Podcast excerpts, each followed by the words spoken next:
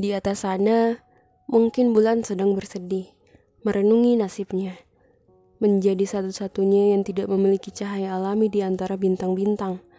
Permukaan wajahnya dipenuhi dengan kawah, hasil dari pukulan hebat batuan antariksa yang menjadi luka abadi dan terukir jelas dalam hidup sang bulan. Sesekali dia merasa iri dengan matahari yang begitu gagah dan memiliki arti penting bagi keberlangsungan tata surya. Sementara dirinya hanya bisa berotasi mengelilingi bumi tanpa bisa ke mana-mana. Hidupnya payah menurutnya, tidak ada yang patut untuk dibanggakan. Sedangkan tepat di bawah sang bulan ada manusia yang mengaguminya setiap malam. Ada insan yang menantikan kehadirannya sambil menegadah ke langit hanya untuk menantikan kehadirannya. Ada senyum hangat dan tawa bahagia yang menyambut sang bulan, dan ada kesedihan setiap kali awan menutupi keanggunan sang bulan. Bulan mungkin tidak menyadari bahwa dirinya bersinar begitu terang, bahkan mengalahkan bintang-bintang.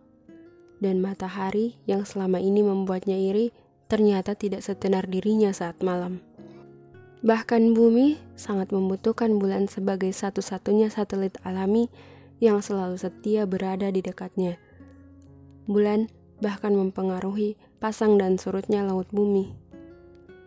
Di tempatnya berdiri, dia menganggap dirinya adalah yang paling tidak beruntung, sedangkan bumi dan segenap manusia begitu membutuhkan kehadiran dan terkagum-kagum dengan keanggunan sang bulan. Begitulah kadang manusia melihat dirinya. Dari sudut pandangnya, dia adalah yang paling tidak beruntung, tidak cantik, tidak punya kelebihan apa pun. Namun bagi orang tuanya, dia adalah yang tercantik. Bagi orang yang menyayanginya, dia adalah yang paling berharga. Apalagi saat dia letakkan iman dalam hatinya dan takwa di setiap tindakannya, maka mulialah dirinya di kalangan langit terang benderang cahayanya menembus langit ketujuh, maka dipuji-pujilah namanya oleh penduduk langit.